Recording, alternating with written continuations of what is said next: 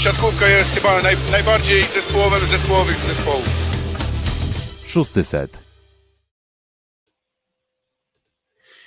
Odliczamy do Plus Ligi. Pozostało jeszcze 4 dni do startu sezonu, a przed nami do mówienia czwarta ekipa ubiegłych rozgrywek, czyli PGS Krabełchatów. Sporo się w ostatnim czasie w Bełchatowie działo, można tak powiedzieć, chociaż transferów jest względnie niewiele, to do opowiedzenia jest całkiem dużo. No i właśnie przez te meandry bełchatowskiej skryp poprowadzi Was dzisiaj z Rzeszowa Filip Korfanty i wraz ze mną jest... Kuba Lewandowski, witajcie. Temat bardzo ciekawy, temat na czasie, bo dużo się wokół skry w te wakacje działo, dużo się nawet działo i dzisiaj. E, z uwagi na, na wybory, gdzie jednak prezes Skry wycofał się z kandydowania na prezesa PZPS-u i pozostanie prezesem Skry, więc pewnie dużo sobie opowiemy o tym, na ile polityka też ma wpływ na to, co się dzieje w Bełchatowie i na ile ruchy kadrowe Skry e, stawiają ją w roli faworyta albo drużyny, która będzie jednak w drugiej e, lidze, że tak powiem, jeżeli chodzi o faworytów, gdzieś tam atakować drugiego szeregu. Mm, tak, dokładnie tak jak mówisz. Konrad Piechocki pozostanie najprawdopodobniej na swoim stanowisku, a zechcą opuścić Sebastian Świderski, ale to jest temat trochę na inną dyskusję. Dzisiaj opowiemy Wam o PGS Krzybełchatów i e, jesteśmy na żywo, bo czas nas goni i tak to po prostu jest dla nas dzisiaj najwygodniej, dlatego starając się też trzymać ram naszego odcinka, przepraszamy, ale postaramy się nie wchodzić dzisiaj w interakcję z czatem, żeby wszystkie odcinki powiedzmy miały ten sam e, kształt. Zacznijmy może od tego, jak e, Bełchatowianie wyglądali w poprzednim sezonie i jaka jest po prostu historia bełchatowskiej skry, już mniej więcej 20 lat istnienia, więc y, zobaczmy jak to właśnie wyglądało, zobaczymy sobie grafikę.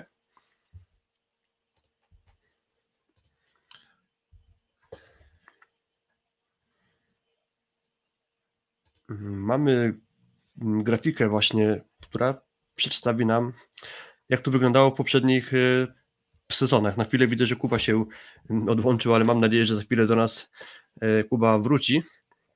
Mm, tak to wygląda. 2001 e, rok i zaczęło się już od medalu. Krótko później zaczęła się niesamowita hegemonia bełchatowskiej drużyny, bo sezon 2004-2005 siedem kolejnych mistrzostw kraju i, i to jest w ogóle przed, cięte jeszcze jakimiś pucharami Polski, medalami Ligi Mistrzów, medalami klubowych Mistrzostw Świata i można powiedzieć, że to była zdecydowanie od, odskakująca, odstająca drużyna w ogóle w czołówki właśnie e, w Polsce. Późniejsze lata już trochę mniej udane, mniej tych złotych medali, ale jak widzisz, e, Kuba szybko da się policzyć, że jest 20 mm, mniej więcej sezonów i tylko pięciokrotnie Bełchatowianie nie stawali na podium mm, plus ligi. Pewnie pamiętasz sytuację, że byli o krok od wygrania Ligi Mistrzów. Pamiętasz tę sytuację, gdzie tam... Oj tak, oj, oj tak, e, wiesz, no to są takie pamiętne momenty, które zostają. Gdzieś ta drużyna budowana w bardzo ciekawy sposób. Trochę widziałeś wtedy pewną e, analogię pomiędzy Wisłą Cupiała a Skrą Bełchatów? Tak, że kupujemy po prostu najlepszych.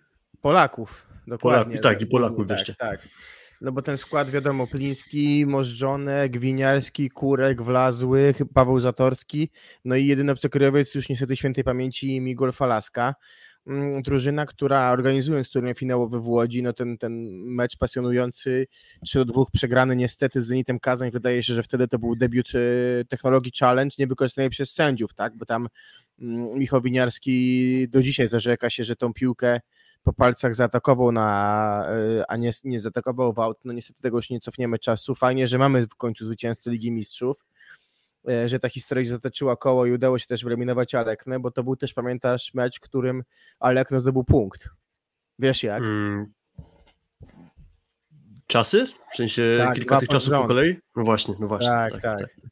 Co, co plazły będący w turbogazie zaserwował w siatkę, co jeszcze z tego mi się meczu kojarzy, taki pewien brak zaufania drużyny do trenera Nawrockiego, bo trener Nawrocki cały czas powtarzał, żeby szanować zagrywkę, że tylko Kurek może atakować, y, serwować mocno, a drużyna serwowała mocno, mega psuła, a Zenit był w mega dołku i, i, i gdzieś wydaje się, że gdyby szło bardziej taktycznie, to pewnie może by się ten mecz udało łyknąć. Natomiast te lata skry co pokazują? Wydaje mi się, że pokazują przede wszystkim to, że przed skromne, trudniejsze lata teraz, że gdzieś tak, y, piąte miejsce wcześniej, Teraz y, brąz rok temu.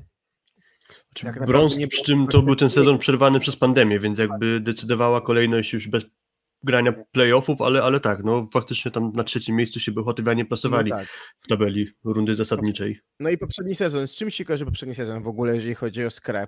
Takie słowo, które ci się kojarzy, czy określenie poprzedniego sezonu skry? Bardzo sezon moim zdaniem dziwny, a jak ty to uważasz? Bardzo dziwny, myślę, że do mniej więcej jego zakończenia Bełchatowianie trochę byli rozczarowaniem.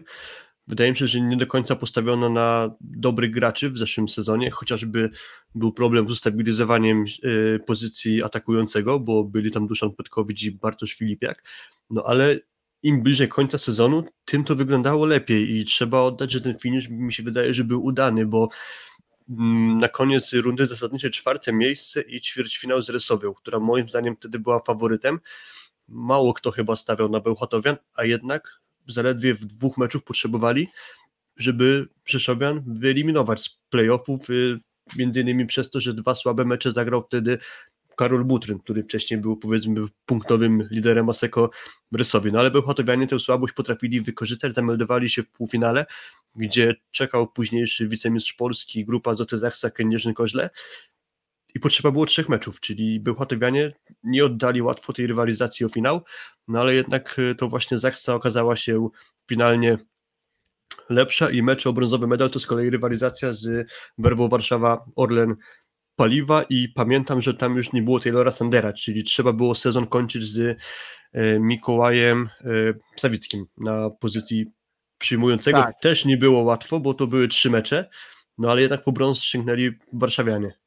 Tak, dokładnie. Świetny mecz e, skry w Bełchatowie z Zaksą. Tak jakby troszeczkę pokazanie tego, że Zaksa trzeba mieć dołek, wtedy, który też trafił się też na finał, który wykorzystał bardzo skutecznie Jastrzębski Węgiel. Mm, Kontuzja Pawła Zatorskiego, więc tam z konieczności grał Adrian Buchowski na tej pozycji.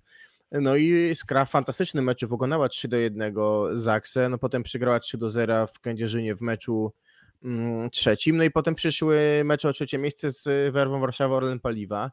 No i pierwszy mecz, w którym Skra prowadziła 2 do 2, miała i miała 13 do 9 bodajże mm, w piątym secie. Mimo tego udało się wrócić do gry yy, drużynie z Warszawy, która na przewagi w końcu ten set y, piąty wygrała przez wiele pomylonych zagrywek mm, Skry. Potem drugi mecz w Warszawie szło równo, ale wprowadził wtedy, nie wiem czy pamiętasz, Mieszko Gogol, Norberta Hubera, który na takim mega luzie wszedł i zaczął tam Mhm. robić swoje show. Ja na tym meczu byłem z Piotkiem, więc tam było widać, jak Norbert szaleje i tam cały czas piątkę przybija każdemu mocno wyluzowany chłopak i, i to pomogło wygrać do yy, skrze, no i wydawało się, że w trzecim meczu to nie będą faworytem, a to szybko się 0-3 skończyło dla Warszawy.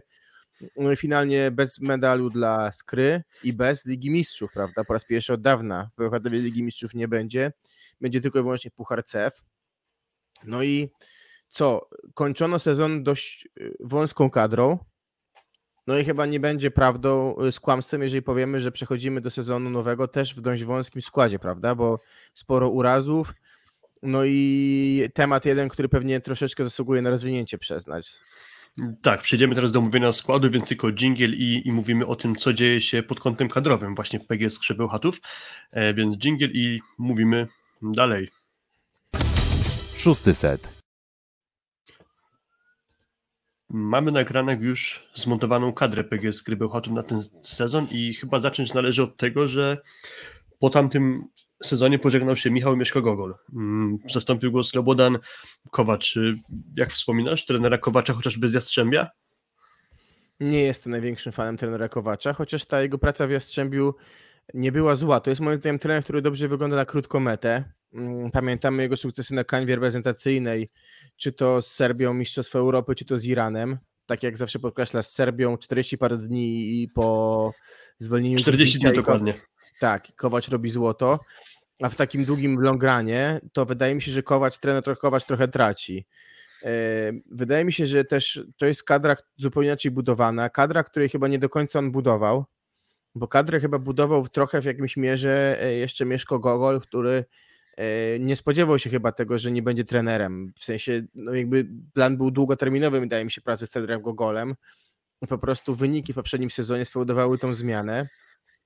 No i ten skład jest składem, wydaje mi się, jeżeli chodzi o skrę, y, który zwiastuje wąską kadrę i w przypadku problemów któregokolwiek z graczy brak wartościowej z, zmiany z ławki, bo Oki możemy powiedzieć, że taką zmianę może dać. Może Damian Schulz Mhm. i może Tak, o- Robert Hecht.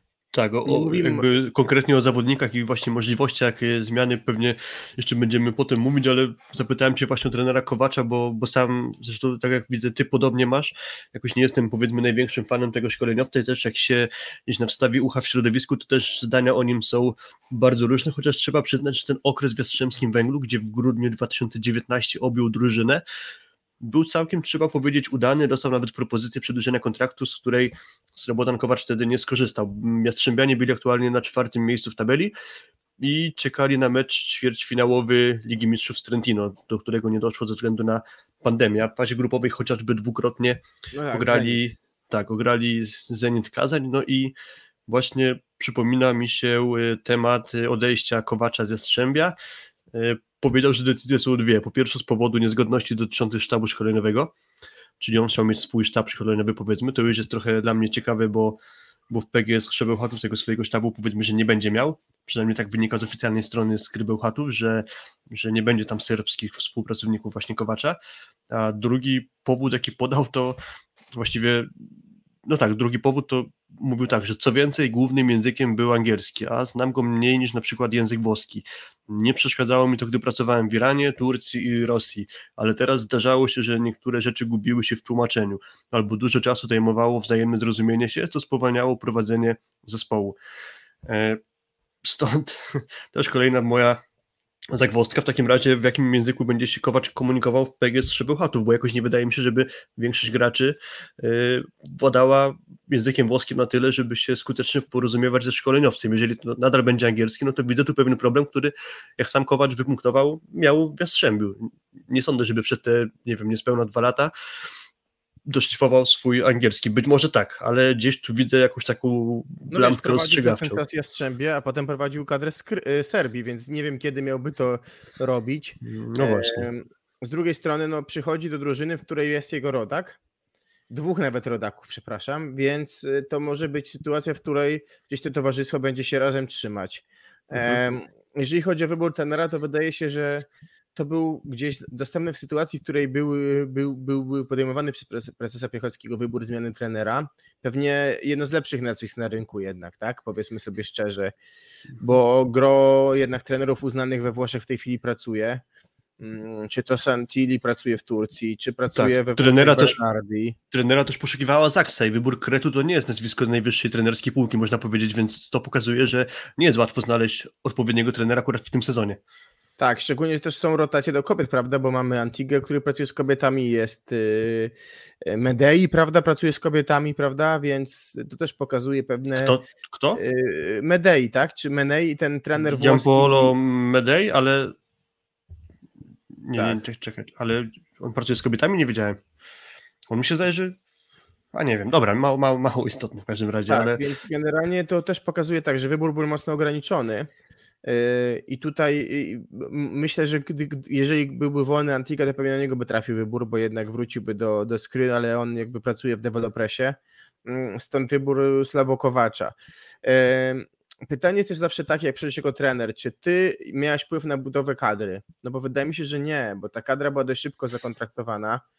Mm, e, Mówiło się zbiorczo, tak, kiedy już był pewny Atan, albo kiedy już potwierdzał, że będzie Atanasiewicz w skrze, bo to było dość szybko potwierdzone chyba przez Perudzie w ogóle, że dziękujemy e, Aleksander, wracasz do Polski. E, Też przy okazji podawano już wielu dziennikarzy czy osoby zorientowane, że, że Slobokowacz też trafia do skry. Mm, Więc jeżeli ta decyzja miała miejsce wtedy dopiero, czyli gdzieś tam na, je, na wiosnę, no tak jak mówimy, no gdzieś ten rynek był bardzo wąski już. No i właśnie ten wąski rynek no, Skra to mocno odczuła, no bo wydarzyło się coś, czego chyba nikt nie spodziewał, bo yy, gdzieś tam dwa, dwa lata temu, yy, czy przepraszam, ponad rok temu, hit transferowy do Polski przyszedł Amerykanin, yy, trochę się leczyć, a trochę grać. Yy, Związaliśmy z nim ogromną nadzieję, gdzieś tam mówiliśmy chyba sobie, że to jest pewnie jeden z największych transferów z obcokrajowca z zagranicy do Polski. No i ten oto obcokrajowiec wywinął straszny psikus. Strasznie e, psikus i może tutaj ty jesteś pewnie zorientowany bardzo w temacie, oddam tobie głos. Znaczy ja tu nie chcę właśnie jakichś e, wielkich e, zakulisowych spraw y, po- poruszać, bo po prostu ja sam nie mam pewności. Myślę, że mało kto ma pewność, co tak naprawdę się wydarzyło. Ja jestem tylko skłonny podsumować to, że moim zdaniem zachowanie Taylora Sandera jest skandaliczne i pozostaje tylko współczuć sytuacji PGS, która zapewne na Amerykaninie budowała swój zespół, a dość późno na rynku transferowym musiała sobie poradzić ze znalezieniem dla niego odpowiedniego zastępstwa. Także, także na tym bym może zamknął temat Taylora Sandera, a jedynie co to jeszcze mam nadzieję, że uda się go w jakiś sposób ukarać za swoje zachowanie, typu jakieś zawieszenie na przykład, chociaż obstawiam, że w realiach siatkarskich to będzie niemożliwe. Wiesz, też jest kwestia taka, czy go to będzie interesowało, bo jeżeli prawdą jest to, że on mm, teraz planuje surfować i przepłynąć, tak się śmiali, to był chyba jeden z lepszych dowcipów, e, jak widziałem, kiedy on wrzucił zdjęcie, jak idzie surfować i ktoś napisał, że no to jest jego plan przy, przesurfować cały ocean do Polski. A tak na poważnie to z tego co wiemy, tak, to ma grać plażówkę w parze z Taylorem Gibbem, tak? Tym, który tworzył parę z Rosenthalem, czyli taką dość dobrą amerykańską parę Gib Rosenthal. Ten sam oto Gib ma teraz grać w, w cyklu beach volley'a z Sanderem. Decyzja absurdalna, decyzja niespodziewana. Mm, Wygląda na to, że Amerykanie niestety dla nich rok olimpijski jest istotny. Robimy wtedy wszystko, będziemy potulni, powalczymy, bo mamy szansę być, przejść, wiesz, become, become a legend. A jak się kończy rok po olimpijski, rok olimpijski, mamy czas oczekiwania, no to nagle nam się tak bardzo nie chce. Mm, Skandaliczne y, zachowanie, skandaliczne zachowanie Sandera. Obiecywał y, lojalność, obiecywał, że dziękuję Skrze, pomogła mu dojść do zdrowia. No bo poza kontuzją z Zaksą, no to w Polsce wydaje się, że był dobrze zapiekowany. Pół sezonu miał w ogóle odpoczynku.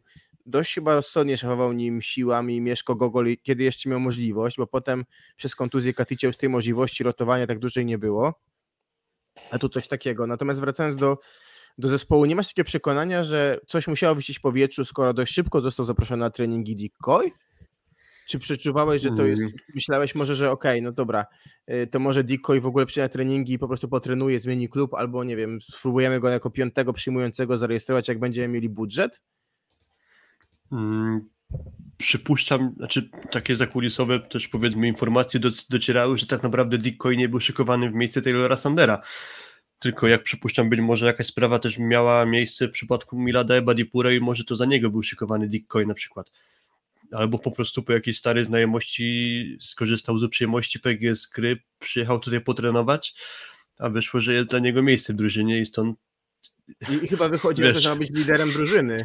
niech to, jakby to nie ma na celu obrazy tego zawodnika, ale przypomina mi się taki cytat z chłopaki, poranka Kojota chyba? Nie, chłopaki nie płaczą, że mm, silnoręki porwał go kiedyś dla okupu, nikt nie chciał wpłacić kaucji i tak już został.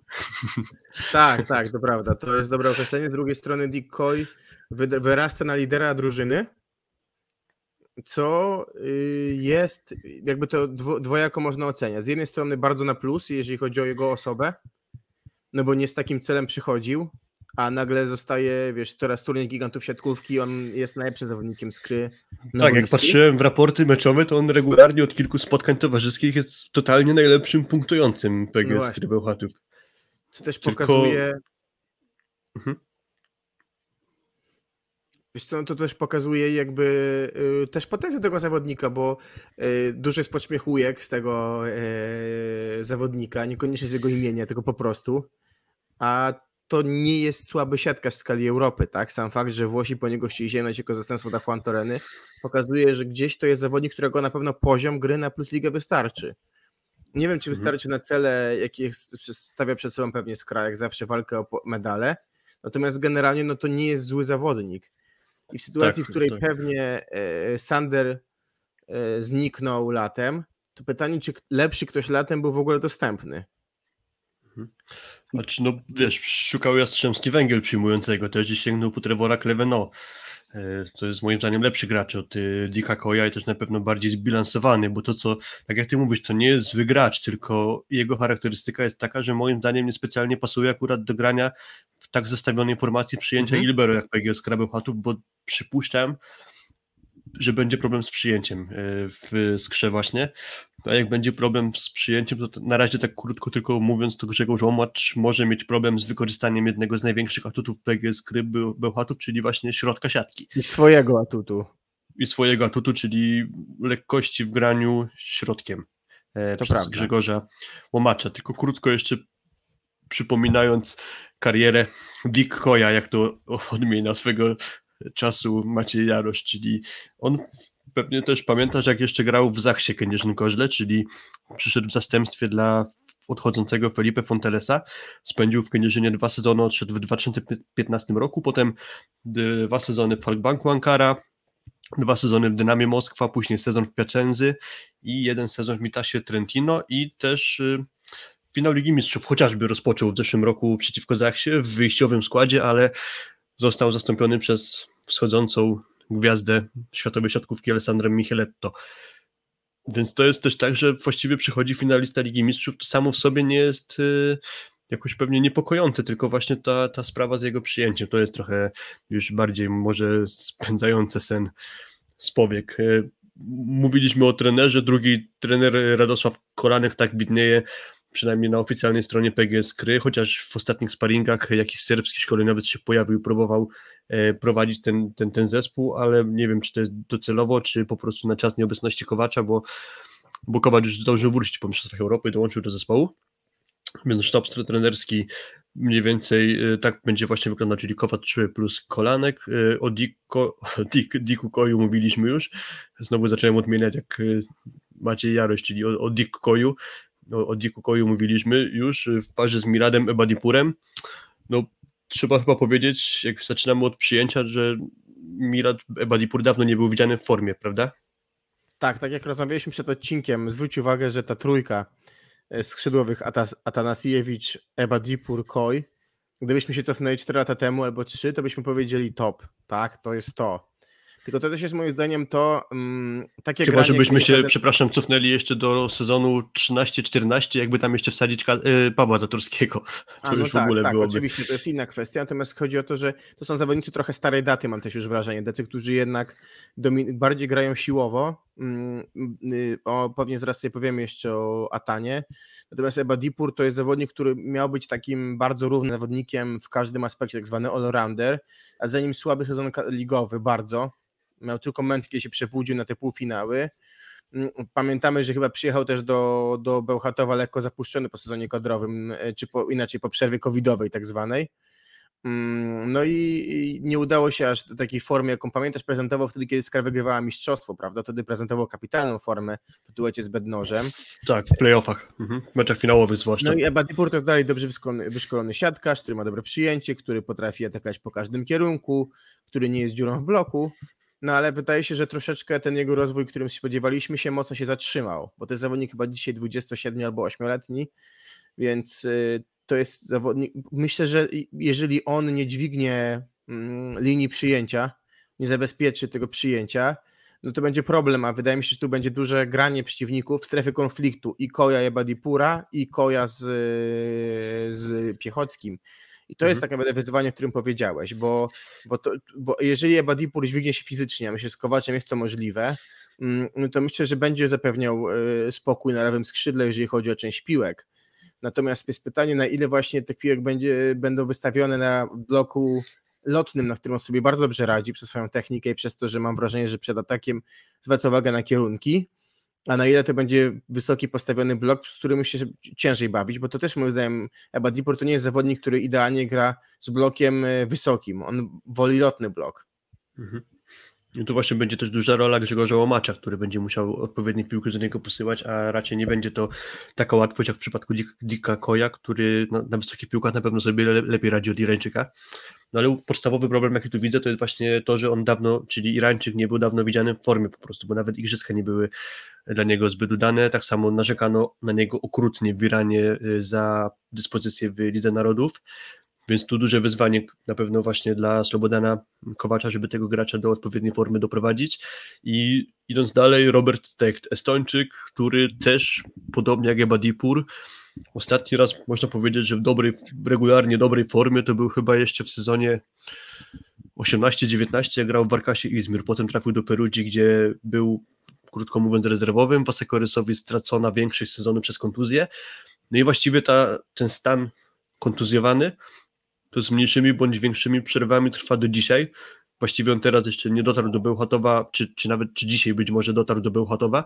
E, nagrywamy to 27 września, poniedziałek, no ale jest z tego, co sam mówił w wywiadzie, jest e, kontuzjowany. Nawet sobie przypomniałem chyba e, jego wypowiedź dla estońskich mediów, czyli że od 10 września mówił, że regeneracja trwa obecnie jeszcze 3 tygodnie, a potem jeszcze kilka tygodni, by wrócić do gry. Powiedzmy, że mogę wrócić na boisko najpóźniej za dwa miesiące, czyli on to powiedział 10 września, to można się spodziewać, jest takie ryzyko, że on do grania będzie gotowy dopiero na początku listopada. Więc y, to, że on regularnie jest, dość regularnie jest kontuzjowany i to, że ta przerwa jego dalej trwa, to nie jest zbyt dobra wiadomość, jeśli któryś z, któryś z graczy Koje Badipur nie będzie odpowiednio dysponowany. Jest jeszcze Mikołaj Sawicki, ale to nie jest jeszcze gracz na równi powiedzmy z tą parą Ebadipur. Świetna chociaż na pewno zagrywka. bardzo obiecujący, tak, na pewno bardzo dobra zagrywka, no ale to jest jeszcze zawodnik pewnie rozwojowy i pewnie nie do grania o najwyższe laury już teraz regu- regularnie. Tak jest. Yy, Przechodząc na środek, tutaj mamy duet bardzo dobry, bo mamy Mateusza Bieńka i Karola Kłosa, czyli dwóch reprezentacyjnych środkowych. Obaj, obaj byli w kadrze na Ligę Narodów i zdobyli srebro. Kłosowi trochę zabrakło, żeby do tej kadry się zakwalifikować na igrzyska, chociaż to jest zawodnik, który prezentuje, mam wrażenie, on miał tak, sezon na przykład 18-19 słabszy, 19-20 miał bardzo dobry do czasu COVID-u i wtedy moim zdaniem był w formie, w której mógł powalczyć e, o, o trójkę do, olimpijską. Poprzedni sezon był taki sobie, czyli miał momenty, kiedy grał bardzo dobrze, momenty, kiedy na przykład Bienik dostawał 15 piłek, a Kłos 4. Mm, e, I zastępował go na przykład w trakcie meczu Huber. E, No tutaj jakby mamy pewniaków, bo zostali oni, plus jest młody Sebastian Adamczyk, ale Sebastian Adamczyk mam wrażenie, że jest jeszcze dalej od składu niż Mikołaj Sawicki, bo mi nawet Sebastian Adamczyk w czasie turnieju tego memoriału Arkadiusza Gołasia, jak grał sporo, a grał cały czas, bo nie było Bieńka, to ta gra jego jeszcze moim zdaniem standardu plus igowego nie prezentowała. Czy to jest ktoś, kto się moim zdaniem bardzo mocno rozwija i widać, że ma parametry, widać, że technika jest, ale jeszcze brakuje moim zdaniem siły i takiej dojrzałości do gry w plus lidze. No i to, co chcia- też trzeba podkreślić, tak? Mieliśmy jednak do tego tria, był w poprzednim sezonie Norbert Huber, czyli mieliśmy czterech środkowych i oni mogli się w trójkę rotować, kiedy miał słabszy moment, nie wiem, czy Kłos, czy Bieniek, to wchodził Huber. Tutaj takiej możliwości w tym sezonie raczej nie będzie. I to jest pytanie, czy teraz jeszcze kogoś sięgnie skra, ale na rynku nie ma nikogo zupełnie, wydaje mi się ciekawego. Czy po prostu będziemy grali to cały sezon tą Kogoś dwójką? ściągnął y, Cyra Enea Czarni Radom, kogo ściągnęli, czyli też potrzebowali y, bardzo pilnie kolejnego środkowego, no i padło nam Michaela Parkinsona, czyli to też nie jest gracz powiedzmy y, z najwyższej półki, tak to krótko nazwijmy, więc widać, że Dokładnie, też dokładnie. jest problem ze znalezieniem środkowego, zresztą właściwie na każdą pozycję jest problem w takim momencie sezonu, czy tam właśnie konkretnie mówiąc pod koniec września, żeby kogoś znaleźć sensownego. No chyba się pobawisz w takie zachowanie, jakie prezentują czy Zenit Petersburg, czy potem Jastrzębski, no to wtedy jest szansa, tak? Ale Tak, jak tak, chcesz tak. być dżentelmeński, no to takiej już okazji jak koń nie dostaniesz. Tak, dokładnie, dokładnie, tak jak mówisz. No więc tutaj jakby krótko mówiąc, y, zmian właściwie nie ma, jedynie co to jest zawężenie tej pozycji, bo odszedł Norbert Huber i, i nie został nikim zastąpiony, a mocna formacja generalnie, tak mi się wydaje, że to chyba można powiedzieć, że na- nawet najmocniejsza, czyli właśnie środek siatki. No i przejdźmy może do ataku, czyli po 8 latach, rany ja w ogóle nie byłem w stanie uwierzyć, że to już 8 lat minęło, jak Atanasiewicz odszedł z PGS Krybełchatów, spędził wtedy Bełchaz- w Bełchatowie dwa lata i, i mam takie ciągle obrazki przed oczami, jak przyjechał właśnie Bełchatowski zespół na podpromie i w kwadracie dla rezerwowych stali Atanasiewicz z Czubkowiciem, czyli jeszcze tacy młodziaki powiedzmy.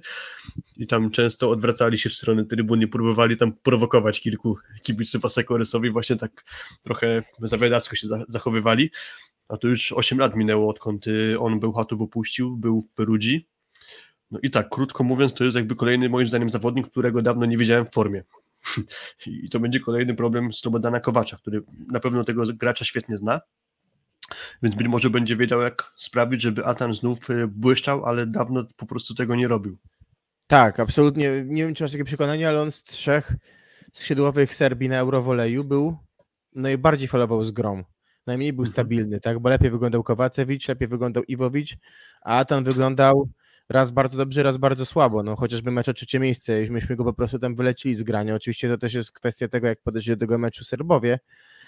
Natomiast y, tak, no poprzedni sezon słaby, konflikt z Wittelem Heinenem, No ale też nikt nam nie wmówi, prawda, że Heinen się uparł na to, że nie będzie grał Atanasiewicz, gdyby on był w formie kapitalnej, tak? Bo pewnie tak nie było. Też były problemy zdrowotne, już on też już najmłodszy nie jest. Um, chociaż to jest śmieszne, bo jest w moim wieku, nie jest najmłodszy, ale yy, to też jest ktoś, kto moim zdaniem jest dzisiaj jedno bardzo wymiarowy. I to też nie jest najlepszy blokujący. Tak, ale oddając jakby mu Atanasiewiczowi, co Atanasiewiczowskie. W 2019 roku to był najlepszy atakujący mistrzostw Europy, czyli Serbów, którzy wygrywali wtedy europejski czempionat. No i to jest główny, można powiedzieć, e, autor sukcesu Perugii z sezonu 17-18, gdzie Perugia sięgnęła wtedy po triplet. Wygrali mistrzostwo, e, puchar i, i, i, i super puchar Włoch. E, tak, tak, Lidze Mistrzów, a w finale byli w Lidze Mistrzów. Tak, a w finale byli chyba w Lidze Mistrzów, zdaje się, przegrali chyba w Pala Lotomatika w Rzymie e, z Lube, zdaje się, jeśli się nie, nie pomyliłem czegoś, ale to już mniejsza z tym, w każdym razie, w każdym razie to był no, świetny sezon tego gracza i stał się jedną powiedzmy z legend Perudzie, jak już rozmawiamy o Atanasiewiczu, to przygotowywałem sobie fragment e, książki na jego temat właśnie, czyli taka książka, która opisuje właśnie ten sezon Perudzi 17 18, no i krótka laurka tego, kto przychodzi do PGS Krybełchatów, jest napisany Aleksander Atanasiewicz, olbrzymi, takie określenie. Swoją drogę do sukcesu w koszulce Perudzi rozpoczął jesienią 2013 roku, kiedy wylądował w Pian di Masiano, by spróbować nadać nowego wymiaru drużynie, która wchodziła w drugi sezon na poziom Serie A. Rok po roku zdobywał punkty, ale przede wszystkim stał się niekwestionowanym idolem kibiców. Jednak dla kogoś takiego jak on, indywidualne uznanie i przywiązanie ludzi nie mogło wystarczyć. Gablota Perugii rok po roku pozostawała pusta. Na starcie sezonu 17-18 nie chciał wygłaszać żadnych deklaracji, przemawiał swoimi występami na boisku MVP turnieju finałowego Coppa Italia i finałowej serii playoff przeciwko Civitanowie, która dała Perugii Scudetto. W obliczu oziębłości, konkretności, cynizmu mistrza i bezczelności lidera zespołu. Taka laurka została wystawiona właśnie Atanasiewiczowi w Perugii, więc jakby krótko mówiąc, to jest świetny zawodnik, tylko trochę zapomniał o swojej formie pewnie z tamtego okresu, więc tu też duża robota Kowacza będzie, żeby go doprowadzić do odpowiedniej dyspozycji. No i drugi atakujący Damian Schulz. Tak, była zmiana, prawda? Bo był chyba Przemek e, Kubka? Nie, nie, nie. Znaczy w sensie. Aha, mówisz o tym sezonie, tak? Mhm. Gdzieś jakieś informacje się właśnie pojawiały, że niby on ma trafić do skry, ale on chyba został ostatecznie wypożyczony do pierwszej ligi, więc tak, e, jakby postawiono na Damiana Szulca, na pewno powiedzmy lepszy gracz niż jeszcze wspomniany przez ciebie młody atakujący.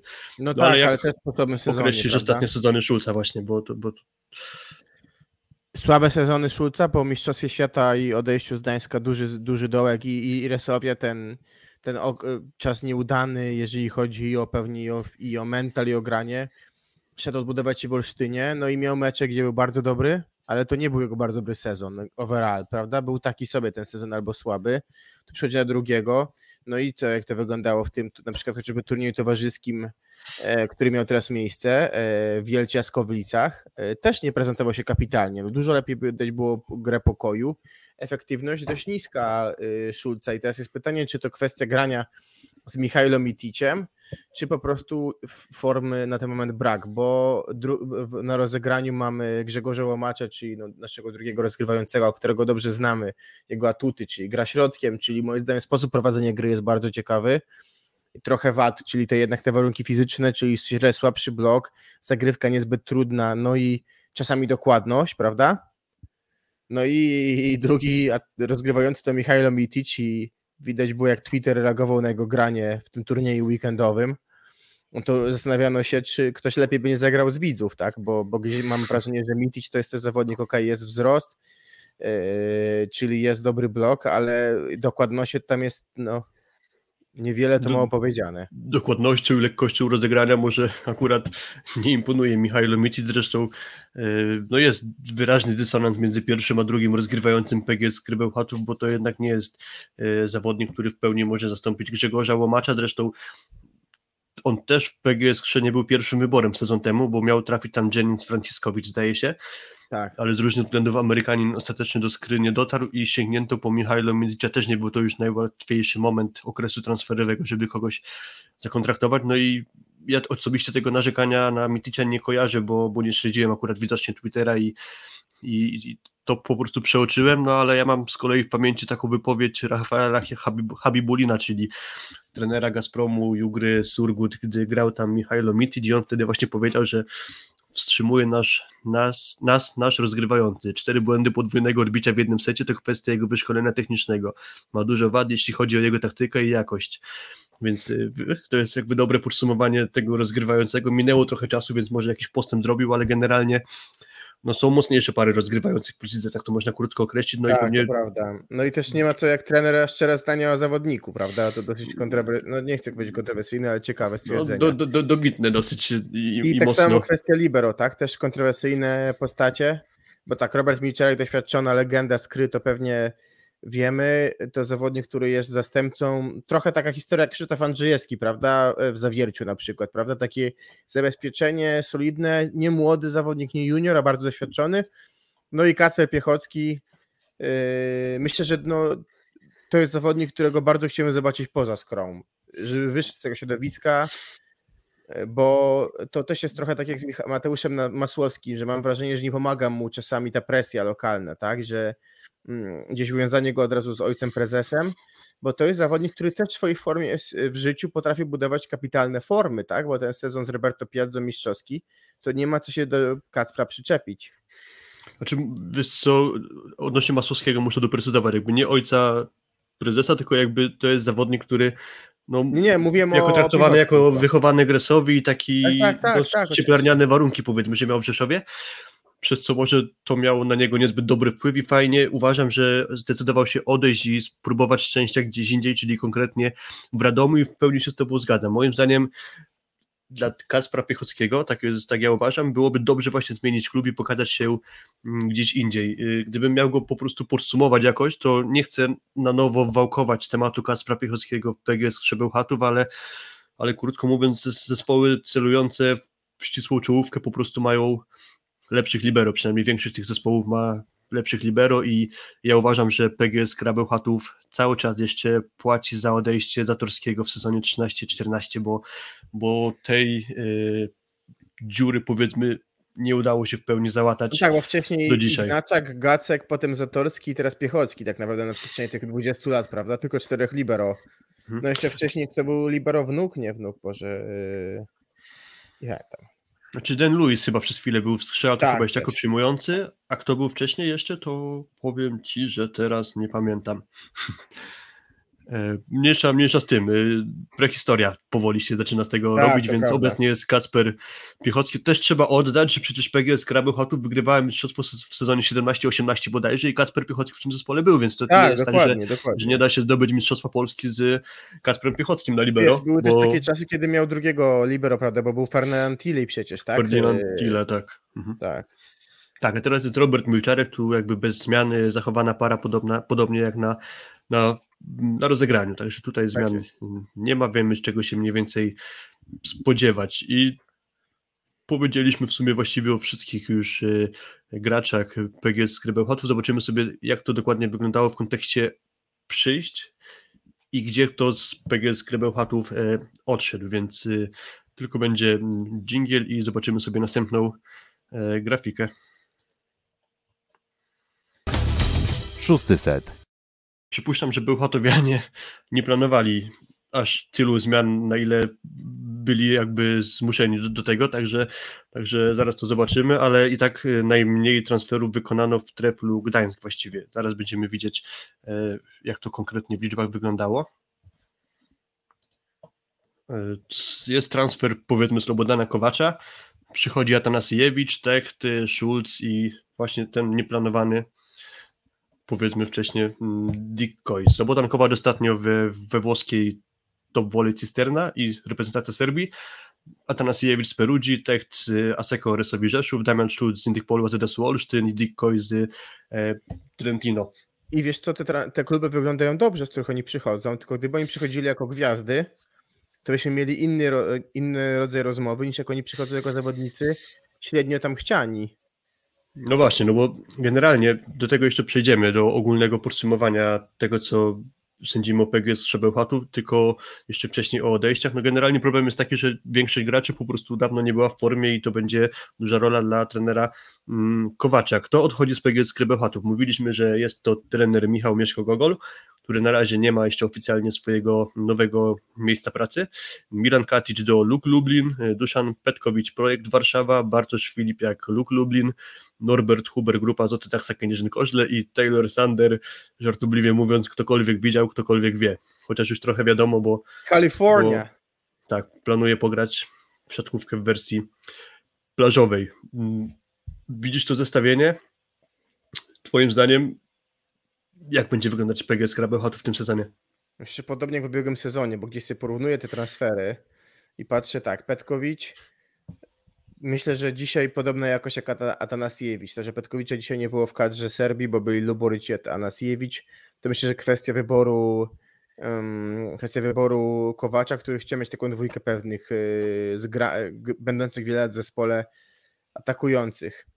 Nie ma Sandera, jest Koi. Sander był, jest lepszy w swoim prime, ale tego prime'u Skra nie widziała dużo w poprzednim sezonie, bo kontuzje, dochodzenie do formy, naciążenie meczy, trochę zmęczony bark. Mm, Był Katic, jest Techt, był kontuzjowany zawodnik, jest zawodnik kontuzjowany. E, Filipiak, Schulz, myślę, że gdzieś oboje mieli prime w Gdańsku, trochę szukają formy.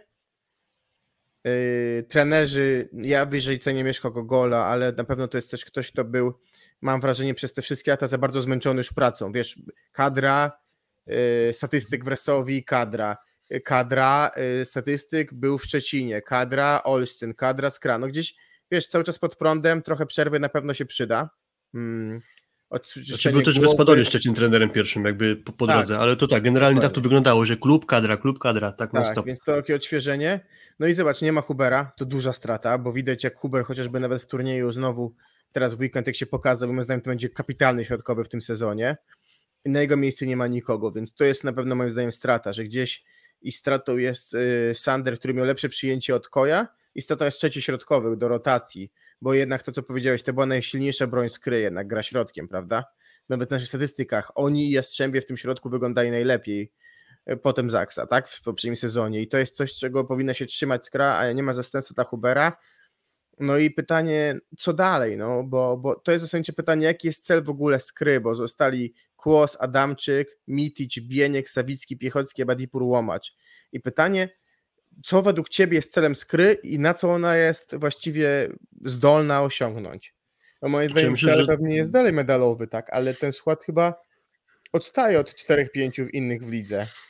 Największym problemem, tu jest, widzę, to doprowadzenie do formy wszystkich graczy, którzy zostali zakontraktowani. To będzie duża rola właśnie trenera Kowacza, bo ci gracze, jak mówiliśmy, sporo jest od dłuższego czasu bez formy, albo jak chociażby Robert Techt, y, czy nawet Dick Coy trochę meczów opuścił z powodu kontuzji w zeszłym sezonie w Trentino. Robert Techt też mówiliśmy, że dużo kontuzji. Atanasiewicz też stracił część sezonu przez y, kontuzję i generalnie słabą formę. To nie jest przypadek, że na ataku grał przyjmujący Terhorst w Perugia, a jeszcze ściągano Macieja Muzaja. To jakby dobrze podsumowuje sezon Atanasiewicza ostatni e, we Włoszech. Także doprowadzenie do formy tych graczy to jest jeden problem. Drugi problem jest taki, że zwęził się środek, czyli powiedzmy jest y, Kłos, jest Bieniek, a gdyby im się coś przytrafiło, mm, czego nie życzymy. Oczywiście, no to nie jest w podwodzie Nor- Norbert Huber, tylko jeszcze nie tak ograny na tym poziomie Sebastian Adamczyk, więc zwężenie kadry na środku. Kolejna sprawa to przyjęcie jako element y, gry, nie formacja przyjęcia, tylko element gry, czyli niezbyt dobrze zbilansowana chyba jest ta formacja, czyli Dikkoy ma problemy z przyjęciem, Milad Ebadipur powiedzmy przyjmuje dobrze, ale potrzebuje złapać formę, no i do pary, gdyby to był chociażby z Kojem Zatorski, to bym się aż tak nie martwił, ale jeżeli tam jest Kasper Piechocki, którego w aspekcie przyjęcia też sobie nie najwyżej w tej lidze cenię, no to może być problem z dostarczeniem piłek Głomaczowi, a atutem skry powinno być granie środkiem, tylko że jak źle przyjmujesz, to tym środkiem pograsz trochę mniej, bo oczywiście zostają ci jeszcze kontry na przykład, no to kontra, kontry będzie można środkiem grać, ale jak będzie piłka niezbyt dokładnie przyjęta, no to tego środka tak dużo uruchamiać się y, nie będzie dało, więc Inna sprawa, że nawet widać sporo. No tak, ale inna sprawa, że na wysokiej piłce będący w formie Koi i Atanasiewicz mogą sobie jeszcze radzić, tak? I to jest pewna no, nadzieja. Natomiast tak jak powiedziałeś, wyzwanie duże doprowadzić ludzi do formy, a oni dopiero zjechali, tak? Bo teraz w turnieju weekendowym mieliśmy w składzie tylko tak naprawdę tych, co zostali, czyli Miticia, Kłosa, Adamczyka, Sawickiego, e, Koja, e, Szulca i dwóch libero. Więc cały czas brakuje Bieńka, brakuje Łomacza w treningu, brakuje Atanasiewicza i brakuje Techta, tak? Tak naprawdę mamy kadrę w ogóle 12-osobową, a z tej kadry i tak już brakuje, czy tam 13, brakuje nam czterech zawodników, z czego jeszcze jednego. Więc generalnie jest to kwestia taka, że dojście do formy musi zająć trochę czasu. Tak jak mówiliśmy sobie z Piotrkiem, że Gdańsk cały sezon miał praktycznie cały skład, cały okres przygotowawczy i widać tą formę, tak tutaj jest odwrotnie. I to jest pytanie, ile czasu zejdzie im na dojście do formy, bo to może być duże wyzwanie i żeby ta czołówka nie oddychała za bardzo, bo pewnie ten skład predestynuje skry do playoffów, nawet one są wręcz pewne, w sensie przy ich dobrej grze, tak uważam, mhm. ale ta strata może być tak daleka, że znowu nam się trafi na koniec, nie wiem, szóste miejsce i konieczność grania w playoffie z kimś trzecim, prawda? Dokładnie. Tak, bo tak jak mówisz, no, ten okres przygotowawczy dla Skry był bardzo ciężki ze względu na wąską kadrę, czyli oni ten ostatni turniej, jaki grali, czyli giganci siatkówki, tak? Oni tak. grali w turnieju giganci siatkówki, tak, okay. tak, tak, tak. Grali tak jak ty powiedziałeś, zdaje się w ośmioosobowym składzie.